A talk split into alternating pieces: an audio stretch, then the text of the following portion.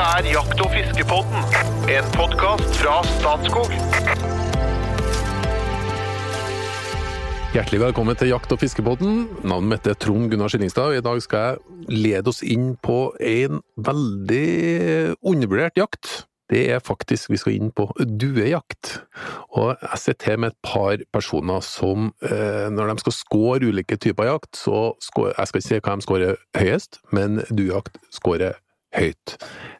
Er det, hos, hos, når jeg sier duejakt, eh, Jo Inge Bresjeberget, hva tenker du da? Nei, da tenker jeg skjorteerme, T-skjorteerme og sol og fint vær. Jeg hører en skurtresker i bakgrunnen, og det lufter nislig åker. Og det kommer duer inn på lokkedyrene mine. og Det er eh, komplett lykke, faktisk.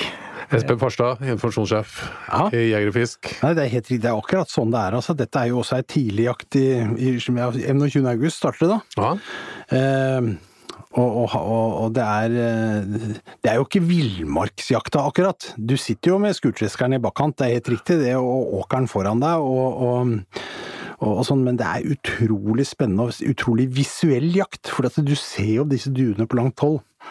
Så er det liksom trikset Altså, kort fortalt, da, så, så handler det om at du sitter i jordkanten, gjemmer deg bak et kamonett, som du liksom har spent opp sånn at du blir borte konturen av deg blir borte. Og der sitter du, og du kan godt sitte og drikke kaffe, du kan godt sitte et par stykker og prate, og det, det er ikke noe farlig med det. Så har du lokkedur foran deg på det nyslåtte jordet.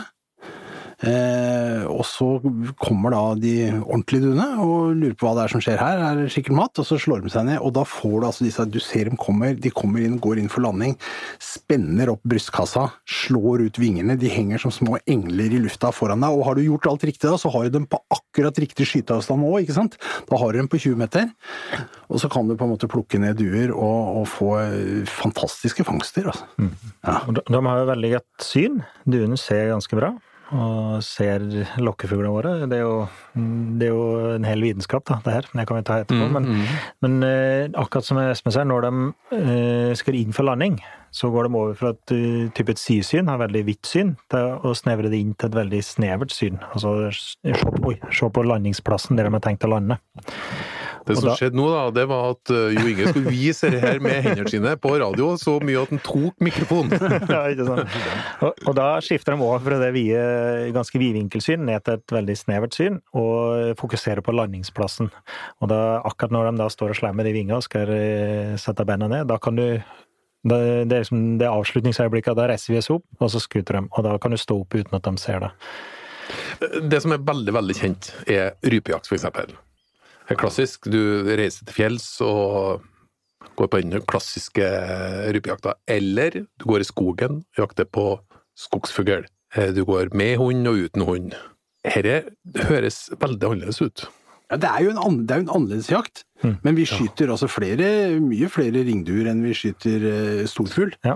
Hvert år. Det, det var et stikkord. Det er ringduer. Ja, Ja. for dette er kanskje viktig å holde klart for seg. Ja. Altså, når, vi, når jeg forteller ikke-jegere at jeg jakter due, så tenker de med en gang på de som tripper rundt ned på Karl Johan, ikke sant? Ja. Eh, og, de syns det Æsj! Og det er litt luftas rotter på en måte. Du hører at det ligger i, det ligger i lufta. Litt skadedyr, ja, Ja, nærmest. Så sier vi at nei, det er ikke det, dette er ringduer. Eh, Å ja, det er skogsduer, sier de da. Nei, det er ikke skogsduer heller, for det her er en annen art, og den er freda da, for sikkerhets skyld, så den skal ligge unna. Så dette er, du har liksom byduer, og så har du kanskje noen brevduer, eh, som jo vel er en slags byduevariant. Så har du ringduer, og så har du skogsduer, og så finnes det enda et par andre, og tyrkerduer og er turkelduer og jeg vet ikke hva. Men det er ringduene vi ser i store mengder. Det er de som er i flokker ute på jordene, og de er veldig lett å kjenne igjen, både på måten de flyr på. Det, det, det lærer du deg fort, at de flyr på en annen måte. Eh, De har ikke de der veldig kjappe bydueslagene, men litt annerledes måte å fly på. Og så har de en tydelig ring rundt halsen. Ringduer. Ja. Så, så du ser det, så det er ikke noe problem å, å, å ikke skyte andre duer, hvis det er det som kommer. Disse duene her lever sitt liv i skogen og på jordene. Det er en art som har tjent veldig mye på den monokulturen som vi driver med i, skog, i landbruket. Altså en monokultur i den forstand at vi har store flater som er kornåkre. Det er jo biologisk sett en ørken. Sant? I forhold til et, et rikt kulturlandskap eller skogen. Men akkurat duene tjener på dette, fordi de spiser jo dette kornet. Og, og, og, mens hele sommeren så er de inne i skogen og spiser nøtter og, og sånn, så det er jo fantastisk viltsmak på dette duekjøttet. Og de er jo i store mengder. Eh, og vi feller eh, Ja, nå sa du jo, Inge, akkurat at vi var nede i 35 000 Ja. eh, sist år. Vi har jo i mange år vært oppe i 50 000 i Ja. året. 55, og vi kunne skutt i flere. Mange flere, faktisk. Ja, hva er, i, i, I tillegg til jakt, hva er predasjon? Snakker vi rev her òg, som på det meste annet?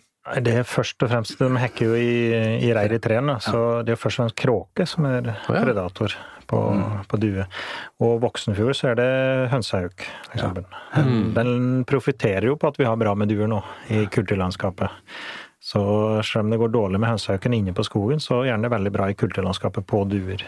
Det er en perfekt størrelse, og, og de er i rikt monn. Og i motsetning til rype og skogsfugl som vi snakka om, så det er jo stasjonære fugler. Eh, Så er jo duene trekkfugler. Mm. Og de, eh, de jakter vi da i august når kornet er nyslått og de samler seg på åkrene for å spise. God anledning til å gå på jakt. Eh, Og så kanskje litt igjen ute i begynnelsen av oktober når de samler seg i flokker, for da, da flokker de seg for, for å fly sydover. Så overvintrer de sånn typisk Nederland, England, eh, disse mellomeuropeiske okay. landene hvor det er milde vintre.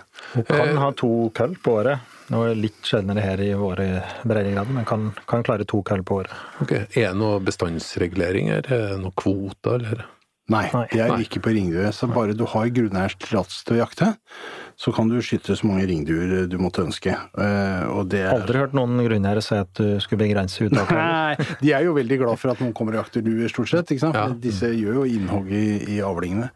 Og noen tror jeg jo kanskje blander dem med tamduer, da, som de har i rundt gunsiloer og, og det. Så det er sjelden du får nei til å jakte eh, ringdyr, da, når du spør. Men det blir rapportert inn en eh, 30 000-35 000 skutte ringduer Ja. hvert år. Hvor mange jegere er det fordelt på? Noen, har dere noen? Altså, Er det en veldig utbredt jakt? Det er greit å Det er en utbredt jakt der hvor det er gode ringduejaktforhold, og det er jo eh, sentrale Østlandet eh, og litt i Trøndelag. Og utover det så er det veldig flekkvist og tilfeldig, egentlig. Det er jo knytta til kornproduksjonsområdene dette er primært. Men da, da, det betyr at det foregår skyting ganske nært folk òg? Det gjør det, og det kan være utfordrende, det. Altså, for eh, vi har eh, hatt eksempler på det at, eh, at jeg har vært med på det sjøl òg. At eh, jeg sitter og jakter, og så plutselig så står politiet der og lurer på hva det er som skjer. Ja. Ja, For da har det noen som har ringt inn og sagt at nå er det et eller annet som skjer her. Det er klart, og du skyter jo, kan jo skyte mye skudd. Det betyr du dyr. mange skudd på en god duejakt. Mm. Så da, da smeller det mye ut på jordet. Så derfor... Hvis vi, tar, hvis vi tar det litt trinnvis altså, man, har, eh, kanskje, kanskje er man med noen som har gjort det før, det er ofte den enkleste. Men uh, du har i hvert fall grunneiers tillatelse, og så skal du rigge deg til. Hva, hva gjør du? å du må begynne med å drive litt rekognosering i forkant. Fordi at uh, duene For det første så samler de seg på de jordene hvor det er best tilgjengelig mat, enten at det er nyslått, og så er det viktig hva bonden har hatt på jordet. Fordi at eh, det, det aller beste, det er hvis han dyrker erter. Det er, Hvis du kommer over en bonde som dyrker erter, som sier du kan jakte due hos han, så må du løpe på polet og kjøpe to flasker rødvin og gi til en med en gang, for det er et forhold du må pleie. altså. Det må for dette, det, ja, dette er veldig verdifullt! Ja, For der er det alltid duer. Så er det eh, hveteåkre. Mm. Det er veldig bra. Det er det kornet som duene liker aller best. Rapsåkre kan være veldig bra. Kan være bra, det. Ja. Ja. Eh, Så kommer bygg, Ja. og nederst kommer havre. Havre er siste sort. Okay. det, det er, sjelden. Ja, det, det, Det blir sjelden noen suksess. Så du må velge rette sted. Det er det ene da ut fra det. Og gjerne vær der dagen etter at det er treska. For det er det, for da ligger Det det, mye ferskvare, ja, ja. Mhm. Og så bør du ha gjort litt rekognosering på hvordan duene trekker i området. Duene er veldig glad i å fly faste linjer i terrenget. Mm. Eh, gjerne opp og ned elvedaler. Langs Felger, anker og høyspentlinjer, altså ja. felger i naturlige punkter i, i eh, Altså type Det er en eh, ranke som går mellom to jorder, da. Så felger han typisk den ranken oppover til skogen, eksempel. Og, det, Eller langs elva. og da får du mye gratis ved å, ved å plukke ut de riktige stedene. Er du sikker på at du har satt deg på rett sted? Og, og det er jo typisk da, når du kjører en rekognosering, så er det ikke like at du må ikke fokusere på et fast jorde, du må fokusere på hvor duen kommer inn. Ikke nødvendigvis det jordet de er på heller, men hvor de faktisk kommer inn på det jordet. For det, at de sitter, hvor de sitter på jordet kan være tilfeldig, men der de kommer inn på jordet, altså der de krysser en kant eller eh, en kantsone da, inn på jordet, det er ikke tilfeldig. Nei. Hvis du bommer type med 50 meter, så kan du bomme med 50% av fugla. Du må under den flywayen, da. Ja, Altså, ja. Når den kommer inn. Og da, da er hvor de lander på jordet, kan være litt underordnet, faktisk. Det er å finne innflygningsruta, da. Okay. Type inn på Gardermoen, så flyet har egne ruter inn dit. Litt like med duen, Mm. de har egne ruter inn på jordet. Og da er det å finne Og det, ja, og det må du bare observere. Det går, det går ikke an å Ja, noe Det du er ser seg fram til. noe- no, jo, litt. Jo. Altså opp og ned en type elvedal, så vil det være lettere å finne det enn en annen. Men, men det er jo bare å stille seg opp og følge med litt, ikke sant? På Ja. trekket. Og hvis du jakter i samme område året etter år, så er jo dette erfaringsbasert, da. Da, mm, Ja, ja. da, vil, da vil jo de her eh, skille seg ut, de der beste trekka, enda mer. Da har du, da har du funnet, da har du funnet Ja. inngangen. Så trekker de typisk om morgenen og om kvelden. Midt på dagen så er det en sånn dødperiode. Så du må egentlig være litt tidlig ute og være på plass, og få med deg morgentrekket, og så kan du dra ut på ettermiddagen igjen og få med ettermiddagstrekket. Eh, Ja, bare for å ta det. For jeg oppfatter i all hovedsak Jeg har vært med på å jakte gjennom dagen, og jeg har vært med på å jakte hatt morgenstrekk som har gått over i efterstrekk og vært bra. Ja. Men langt på vei de beste jaktene mine er på efterstrekket. Mm. Stemmer det for deg òg? Ja, Ja. absolutt. Men jeg har hatt flotte opplevelser om morgenen òg, sånn at Ja. det- ja. Men, men jeg, jeg tror de aller beste har vært på eftan. Men, eh, og i, i mange tilfeller også har jeg brukt morgenstrekket til å finne de beste jordene, å finne trekket inn, og så brukt eftan til Da kommer de igjen med da, og brukt eftan til å jakte. Det har fungert bra for meg, i hvert fall. Ja, altså, er det, driver de å trekke i løpet av dagen og kommer tilbake til samme plass, den samme flokken? Ja, de, de typisk da er nede og beiter, og så eh, hos meg da, så trekker de ned til elva, er på elva og, og drikker, og så tilbake i skogen, og så kommer de ned igjen på eftan, et eftanstrekk og ned for beite. Og det kan være typisk fra to, etter tolv da, men ett, to, og til helt til klokka åtte om kvelden. Kan det i Er det en flokk som er i lag hele tida? Det? Ja, det som er tidlig på jakta, som Espen sa, så er de jo inne på skogen, type etter bær, og, eh, og kommer ned, trekker ned ettersom det blir treske jorder. Og da, da er de singlefugler og små grupper. Det er alltid bedre enn en stor flokk. Ja. Så få 200 duer som kommer som s- to, tre og fire og fem, seks, i stedet for å få én flokk på 100. Det er mye bedre. Det er mindre skeptiske, lettere å få ned, og, Ja. og, og det er klart at kommer en flokk på 100, så får du ikke skutt mer enn i høyden du får 200 bare én skuddsjanse likevel. ikke sant? Ja. Så, så har du funnet ut av alt dette, Ja. og, og du er klar. Og så eh, må du få med et element til, og det ja, så det er vel et par elementer. Så det, eh, vind er viktig. Eh, hvilken, hvilken vei blåser det? For det har noe med hvordan altså Akkurat som med fly som vil gå inn mot vinden og lande, det, vil det, det samme vil duene gjøre.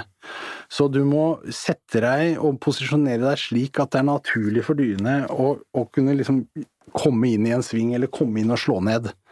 Og det er klart da, hvis, du liksom, eh, hvis, hvis det er sånn at de må slå ned fra en høy skogkant og ned, da blir det feil, liksom. Så du må, du må posisjonere deg riktig. Dette, dette er faktisk ganske viktig. Det andre er jo været. Jeg, jeg, jeg, altså, regner det, så gidder jeg egentlig ikke å dra på duejakt. Dette er finværsjakt. Det er skjorteermer og finvær. Sol og bare god stemning. Men det har med deg å gjøre, ikke med duene? Jo. Jo, langt på vei. Ja, du også. Duen er heller ikke noe glad i å bli bløte. Okay. Nei. Så. Så vi er, vi er enige der. Ja. Så finner du deg et sted, ikke sant. Og det, hvis jeg skulle beskrive en optimal plass, da, så er det jo et sted som, som Inge sier, hvor du har et trekk av duer over deg. Eh, det er en nyslått og fin åker, kanskje er det til og med en erteåker. Og hvis du attpåtil har en litt sånn svak oppoverbakke, Helt riktig. ja, hvor duene kan komme inn og slå ned i bakken på en måte, det er, det er så optimalt som det kan få blitt. altså. Sier jeg øy eller en liten forhøyning ute på et jorde, et stort jorde, eksempel, så du har noe skog eller noe der, så at han kan slå ned i den skråningen, og samtidig ha kort vei til skjul. Han kan komme der, og så slå seg ut, for eksempel. Det har jeg hatt veldig god suksess med. Eller òg type skogkanter som er Jeg har hatt eh, jakt langs elva, langs Glomma, og så har jeg hatt et jorde som ligger oppå en skråning, en kant, og så er det en skogkant der, og så ligger det jorder lenger ned, så at den kommer gjennom den skogkanten og skal dra ned på jorder. At du sitter i den, det beltet da, mellom to jordinger, og òg har høydeforskjell.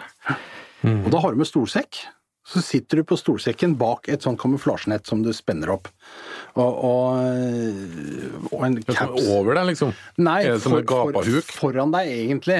egentlig foran dem. Over deg har du gjerne litt busker og trær og sånn, og så har du litt sånn grønne, eh, grønn lue og prøve å ikke ha for mye Du sier bare skjorteermer. Altså, det er gjerne det hvis du er god og brun etter sommeren, men du skal, skal være forsiktig med store hvite flater og sånn, da. Ja, det er jo klart. For de ser godt, det gjør de. Jeg har typisk på meg en enkel kamuflasjejakke eller noe over det, da. Men eh, det er liksom, som det er skjorteermer likevel. Men, men, men da er det- det her er også en vitenskap, da. Engelskmennene er veldig gode på det med duejakt. Og da lager de egne skjul da, som har, har sine navn eller fasong.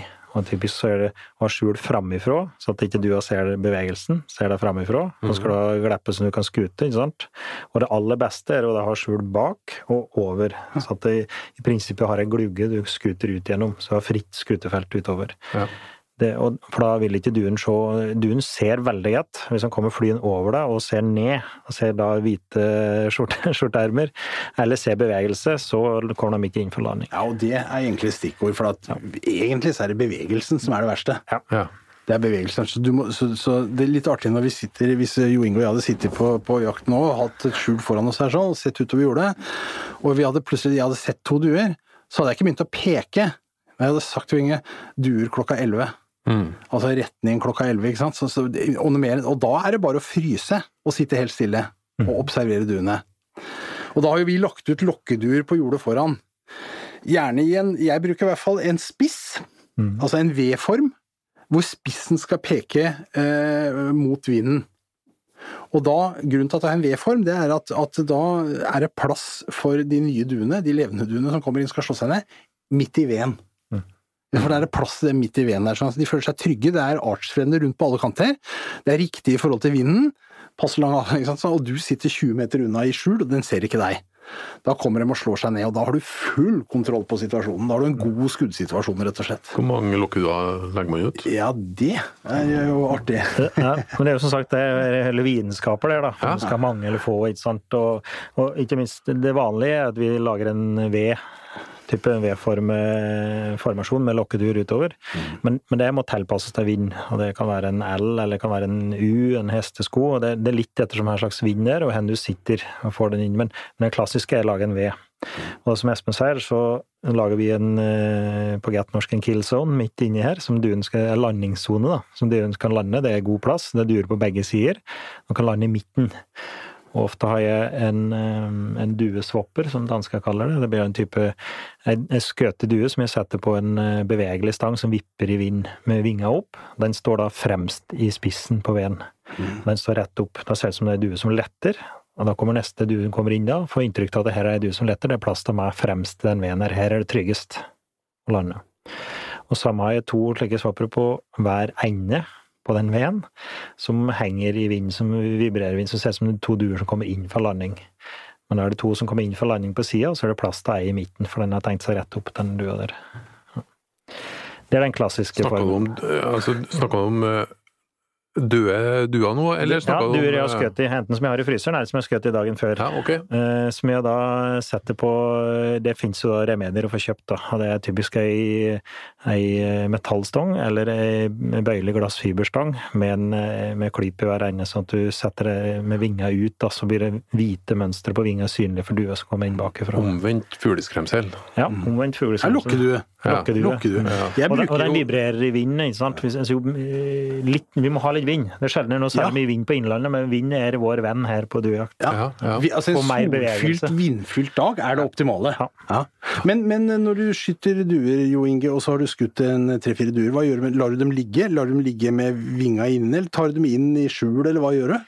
Ja, for det er er jo en del av sånne her vitenskapene. Så fort det har skutt ei due, så ofte så lander de på ryggen og blir liggende med buken i været. Og Det er krise. Det er krise. Ja, okay. Og da er det bare å springe med en gang, eller ha en hund til å apportere med en gang. Men uh, duer som er skutt i, så ofte så legger jeg ut de som lokkeduer. Og da legger jeg, og jeg spikker pinner med en V, eller en som ser ut som en Y, som jeg setter under haka på fuglen. Så ser ut som han, ikke huet rett ned i bakken, men ser ut som han eh, beiter. Og så legger jeg noen duer med vinga inn, som bare ser ut som beiter, og så legger jeg noen duer med vinga ut, som ser ut som de innkomne de kommer ovenfra, så ser det ut som ei due som er på vei inn, og som flyr inn. Da. Ser det beltet, den har et hvitt belte ut på vingespissen. Eh, Men duer som ligger med buken i været, det er fy-fy. Da, da får du ingenting til landet. alt, dette er, ja, sagt alt dette for å få disse duene ned, liksom. Vi snakker om en art med gjerne litt større enn en ert. Ja. men, vi, men du skjønner, det, det er jo en sånn Men er den jo- følelsen, når du lykkes, når du lykkes som Yes. slå på flapsen liksom, og er innenfor landing, det, Det er jeg, klarer, jeg, tror ikke, jeg tror ikke jeg kommer til å gå lei det noen gang. Jeg, jeg klarer ikke å bli lei det. Og jeg jakter med en kompis, jakt jakter sammen med ungdommen, og vi, vi, vi går på autopilot, som Espen sa. Det er liksom duer klokka 11, og så tar jeg høyre-venstre. Og da, og da er vi oppe på likt, og vi skuter på likt. Jeg, jeg bør ikke høre han skuter, men vi skuter helt på likt. Det er helt samkjørt. ja. Ja, er, det, er det ofte sånn at dere er flere på jakt? ja. Ja. Det er Dette er sosialt. faktisk en sosial jakt, ja. Ja, det det. Eh, og det er jo en jakt hvor det går Det er jo mye venting. altså Du oppsøker jo ikke viltet, viltet skal jo komme til deg. Ja. Så, så alt må klaffe. Så du blir jo sittende der og drikke kaffe og småprate og tenke, og da gjør du jo alle disse "Faen, Kanskje jeg skulle flytta litt på den dua, kanskje jeg skulle gjort litt altså, For da det så blir mye teoretisering Ja, rundt dette her. Det er litt som laksefiskeren som står og fisker og fisker og tenker kanskje jeg skulle gjøre noe annet. Særlig hvis de ikke slår, ikke sant? eller de flyr kanskje over til nabojorda. Her er det skjedd et eller annet, her er noe galt. ikke sant? Og plutselig har vinden snudd, og så står duene dine med, med vind feil vei. ikke sant? Og du ser, du ser duene på langt hold, du ser dem kommer, og du kan Etter hvert så lærer du deg å lese den der er en overflyver, han er ikke interessert. Den kommer til å komme inn for landing. Ja. Det kan du se på flere hundre meter sånn. Du Du lærer ser dem langt. Ja. Du Og, lærer og du ser de tegnene òg, veldig tydelig. Så alt egentlig handler om å gjøre det så trygt som mulig. At, eh, altså overvinne overlevelsesinstinktet til dua, egentlig. Ja, og den søker mat og skjul, som en ørret i elva. Mat og skjul, ikke sant? Og den, det, det skal, når de Ja, to parameterne er på plass, da, da kommer den ned. Ja, og i tillegg, så hvis en ser artsfriend, da Ja, og det, det gjør den trygg. Ja. Mm. Men er, altså, Men er veldig det glad i å sitte på kraftledninger, eksempel. Så det, det er ofte uheldig å ha en kraftledning tett på lokkeduen dine, for det, da har de en lei tendens til at de svinger innom, slår seg det på kraftledningen først, og sitter der og vurderer situasjonen. Hvis de ikke er i, i landemodus innom den kraftledningen og setter seg til der, og da er det bare å få dem på vingen med en gang. Og dette skal du ikke skyte på. Nei, du skal jo ikke skyte på den, selvfølgelig. Nei. Men du må få den på vinga med en gang. Det, vi klapper stort sett i neven eller skriker et eller annet. Ja, eller løsner et skudd, eller løsner skudd. Få dem, få dem i lufta, få dem i, i sirkulasjonen. holdt på å si. Ja. For Blir de sittende, så bare hoper det seg opp med duer på kraftledningen, og så ser de her nedpå er det jo ikke noe bevegelse. Så det det er, statisk, de etterligner, altså. Så når det er noen, når det er noen der, så, så akkurat samme som skjer på Vi har jo snakka tidligere om teknologi på jakt. Ja. Det, det, jeg har faktisk også brukt noen teknologiske hjelpemidler her en gang. Men det var én gang, altså, for det var ikke noe for meg. For jeg fikk låne meg en såkalt duekarusell. Yes. Og det er, da Ok. en, det er da en eh, elektrisk innretning som du setter ut på jordet i denne kill-zonen, hvor du monterer eh, jeg tror det var fire duer eller tre duer, jeg husker ikke, på et sånn der, Og det er en karusell, da, som går rundt. Som skaper bevegelse, ikke sant. Så, så det, og for hvis du ser duer som slår ned på et jord og spiser, så er det liksom Det er jo flyving alle veier, ikke sant. Og, og, og, og det skal denne imitere. Og så sitter du med en lang ledning som du har gjemt ned i jordkanten og inn, ikke sant. Så kan du starte og stoppe den der. der. Ja, men jeg fikk litt sånn Thomas Tivoli-feeling, altså. Det var jo ikke dette, det var ikke dette jeg skulle drive med, tenkte jeg. Så jeg Det var bare lyden som mangla. Ja, jeg Men jeg har sett det, og jeg har sett det på video og sett det har virkelig har slitt til. Og, det, og det kan være det som er utslaget på vanskelige dyr. og Duer som jeg jakter litt på. Ja, litt seine duer å jakte litt på, ja. kan gjøre utslaget. Men eh, det er òg noe med det å ikke drasse på for mye utstyr. Da. Eh, ofte er ikke bøndene ikke veldig glad at du driver kjører for mye rundt på jordet og slik, så du skal, veldig ofte må du gå og bære det utstyret. inn litt langt ifra bilen. De liker jo helst å sitte kanskje midt på jordet og langt ut på jordet. vi svarte jo ikke på det med hvor mange lokkedyr, men altså jeg har eh, 40-50, liksom. Ja. Ja. Men du klarer det fint med dusin. Men eh, noen, noen ganger så er det greit å ha veldig mange. Men eh, ta ta oss og beskriv den klassiske skuddsituasjonen. På hvilket tidspunkt, hvor er duene hen, hvor mange er det? Ja, den klassiske skuddsituasjonen. Den optimale, da, det er jo at det kommer et par duer i følge. Et par-tre, liksom. At det ikke er så stor flokk som Jung sa. Som kommer og fatter interesse. Det ser du på langt hold, at disse er interessert, disse kommer inn. Da sitter du bare og følger med, venter til, som man sier, de spenner ut brystkassa, og så begynner de å slå med vingene eh, ut på sida for å liksom bremse opp og gå inn for landing. Da skal du reise deg og skyte. Hvor langt uh, over Nei da, bakken? ja, nei, da er de to meter over bakken. ikke sant? Det trenger ikke være høyt i det hele tatt. De er på vei inn, og du har god avstand, 20 meter, ikke sant? som er optimal for spredning av hagl og treff. Ikke sant? Da blir det jo treff. Da kan du godt skyte dublé. Ja. Det gjør vi stadig vekk på duejakt. Og, og da har du, som vi prater om, eh, de beste forholdene er ofte litt vind. Og hvis, hvis du da enten bommer eller ikke er kjapp nok der, og de slenger seg på vind, så er de borte med en gang. Da er de ute til å hagle før du aner om det. av det. Og, men i den grad du får dem til å slå på lokkeduden, så eh, bruker jeg ofte å ta den som lander, da, som står stiv i lufta, skuddet den først, og så tar jeg neste skudd på den som allerede har landet, som da letter opp. Da får jeg litt tid på den. Mm. Så jeg skutter den første mens den lander, og den andre er på bakken, og så når den da letter, så tar jeg den andre. Mm. Enten akkurat den letter, eller så vidt den er kommet opp. Men det er en kontrollert og fin situasjon, så dette er jo veldig bra jakt for opplæringsjakt. Å ha Ja. med folk, og du kan sitte og forklare hva som skjer. Du trenger ikke være så Trenger ikke være stille. stille Nei, nei. Trenger ikke bry deg om det. Du Kan kan ha med unger. Kjempefint å ha med unger ah, ja. på duejakt. Helt topp. Og blir det litt stille, så er det bare å ta seg en kaffekopp, for da dukker det opp noen duer. Garantert. Vi har mye kaffe og smultringer, så hvis det liksom er litt stille, bare fyll opp kaffekoppen. Da kommer det garantert en du. Hvordan utbytte pleier dere å ha, da? Helt normal, eh, god altså En helt grei jaktdag hos meg er eh, 10-20 duer. Såpass, ja. Ja. Er det, var det mye hos deg? Nei, jeg har ikke prata med mye skutter, men eh, det er helt, helt normalt, ja. Ja. Ja. Ja. Men det er klart, på de Altså, Britung prater om Red Letter Day, de skjøt 100 duer. Mm. Det er ikke så ofte blir gjort her i Norge, men jeg vet om de som skjøt både 50 og 100 på en dag. Ja. men, når det virkelig slår til. Men eh, to mannlegg skutt 10-20-30 duer, det er helt ok resultat. Og så, Du nevnte så vidt Espen, at dette var prima vare. Ja, det, det, og det er jo dette her overraskelsesgreia kommer inn for de som lurer på om vi egentlig driver og jakter byduer. Så kommer dette her viltet på, hvis jeg da kan servere duer. Hjemme hos meg så er det å komme hjem med, med ringduer det mest populære viltet faktisk å komme hjem med, for det syns alle er enige om at dette er veldig godt. Jeg, jeg vipper ut brystene på dem. Mm. Og det er stort sett det jeg bruker. Det er uh, sjelden jeg gjør noe mer ut av det. For det er, ikke, det er jo ikke Det brystfilet her. Ja. Og brystfiletene er eh, de er som eh, litt små rypefileter, da, eller sånn, og så er de i konsistens og farge og sånn, sånn midt imellom rype og kylling. Litt lysere enn en, en mørkerød rypefilet, men, men fremdeles med tydelig markant viltfarge og viltsmak. Å ja. Nydelig mat. Kjempemat. Ja. Det, det er faktisk noe av det Typisk som en forrett på fine restauranter her i byen og i Oslo, så vil det være due. Da kaller de det Gine skogdue, sier jeg. Men, eh, men, det, men, men det er noe altså, typisk som en forrett, eller eh, altså Og, og det er på eh, de aller råeste viltrestauranter, så får du, kan du få due her. Jeg har brukt det mange ganger som forrett når jeg har folk på, på en litt sånn finere middag og vi disker opp med gode viner og greier, liksom, så har jeg altså grava dubryst. Ikke speka, altså? Nei, grava. Da graver vi, og dette, og dette er jo så lett. Sant? Du tar de der dubrystene som er så renslige og delikate, eh, og legger dem i en liten eh, ildfast eh, form, en seks-syv dubryst, liksom, og så har jeg eh, 40% sukker og 60% salt i en sånn blanding. Og gjerne med litt knust, kanskje noe einebær eller noe et eller annet, bare for å sette litt smak. Liten klunk akevitt eller Porsche-brennevin eller et eller annet som jeg har, liksom. Bare sånn. Og så legger jeg det nedi her og, og dekker filetene med den der salt-sukker-blandingen.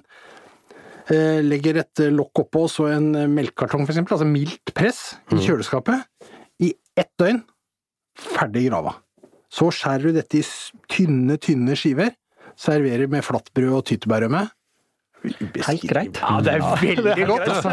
Det hørtes veldig godt Ja, det er veldig, Som veldig godt. det er ikke noe usmak på den der. Nei, nei. Eller, bare, eller så bare noen ganger når jeg har skutt mye dyr og kommer hjem, så bare steiker jeg det med salt og pepper i panna, så, som, som en liten biff, liksom. Kjempegodt. Men Du jo, Inge, hva du bruker du? En favoritt blant eh, mine unger er eh, så jeg steiker dem, som Espen sier, med litt eh, salt og pepper, og så lar jeg dem hvile. Og så har jeg steikepanna, eh, deler opp litt stangselleri, altså hakker opp stangselleri, litt gulrøtter og litt rødløk, og så broner jeg lett, eh, litt rødvin og en matfløyte. Og så surrer jeg bare det lett, og så legger jeg filetet oppi det, så lar de surre litt i den eh, sausen her. Funker som fjell. Men hvis vi kommer med, la oss si, 15 duer, Mm. så spiser jo ikke alt med en gang. Nei. Fryser dere det, eller? Ja, jeg gjør det. Jeg, jeg, jeg fryser dem, jeg vakuumpakker dem, jeg. Eh, og, og så har jeg liksom fire eller seks-åtte bryst i en sånn vakuumpakke. Det er jo kjempelett å ta ut og lage mat av når som helst. Det er jo fiks ferdig. Dette er fast food. Ja, Tidligere, når jakt enda mer intenst enn jeg gjør nå, så ble det mye duer, og da var det typisk Jeg lot dem henge da, en liten stund, og så tok jeg dem, la dem hele i fryseren, men det tar litt for mye plass. Så det, det anbefales å bare ta ut. Så lenge du bruker bare brystfileten, så får jeg spare litt fryseplass, så er det det enkleste. Også. Ja, du kan ikke fylle fryseren med ringduer, det går ikke. Nei, vi gjorde det før, da, men da måtte du bare kjøpe flere frysere. Da. Ja, det er. Ja, for det er, er liksom det er brystfileten som, eh, Ja. som er noe her. Ja, det er det. Du kan eventuelt koke kraft så videre hvis man ønsker det. da. Ja, du kan det. Du kan det. Men, men det er eh, Men enkle å ta ut uh, filet og brystfilet. Eh, Ja, det er veldig lett. Ja. Du bare åpner dem med brystet og skjærer ut brystfiletene. Det klarer hvem som helst. Er det en spesiell type folk, det duejegerne, eller? Ja, altså det det er er jo ikke vokser ifra det, i hvert fall. ja det, det, er- det, er- ja, det er jo en god del som syns at dette er en litt sånn der eh, ungdommelig jaktform som, som man liksom har vokst fra, ja, når man, Ja, når man blir ordentlig storviltjegere. Ja, men det er jo de som ikke skjønner at den beste fisken er abbor, eller at den morsomste jakta er ringduejakt. ikke sant? Altså, du må aldri glemme gleden og leken i det vi driver med. ikke sant? Altså, her er det mye vilt, det er visuelt, det skjer før den andre jakta, så du kommer liksom tidlig i gang. Du får masse god mat. Det, det finnes jo ikke noe Masse negativt dette. skuddsjanser, og Ja. helt uproblematisk å høste mye duer. Pluss at det er kjempemat, da. Det er liksom, jeg klarer ikke å finne noe negativt. Jeg hører én negativ greie. Ja vel? En negativ greie, syns Ja, jeg. Det, er, ja, det, ja, nei, det er, ikke, det er ikke om jakta, for den er bare positivt å si om. Men det er noen duejegere jeg har hørt som sier at nei, de er ute og skyter for de skal trene litt før jakta. Ok. Så den bruker duejakta som en unnskyldning for å liksom få skutt litt før de drar på ordentlig jakt. Okay. Det syns jeg er litt respektløst, rett og slett. Ja, Både i forhold til viltet, Ja. og så er det litt, det er litt teit sagt, rett og slett. For de skjønner ikke verdien i den eh, ringduejakta som vi har. Nei, det må folk kalle seg for god til, tenker jeg da. Ja, den er ikke Den, Den, den har jeg hørt, men mm. Nei. Nei, hvis jeg, jeg Jeg tror jeg har forstått det greit hvis vi gir duejakt eh, og due, due som mat eh, terningkast eh, seks. Ja, Ja, absolutt. Glatt. Så anbefales sterkt. Ja, ja. Håper jeg at folk, eh, lytterne her nå, ble litt inspirert, eh, og kanskje finner en vei ut til ut til åkeren. Ja. Eh, Da går vi i likhet med duene inn for landing. Velkommen tilbake til Jakt- og fiskepodden. Følg oss gjerne på Facebook, og gå gjerne inn og abonner på Jakt- og fiskepodden der du lytter.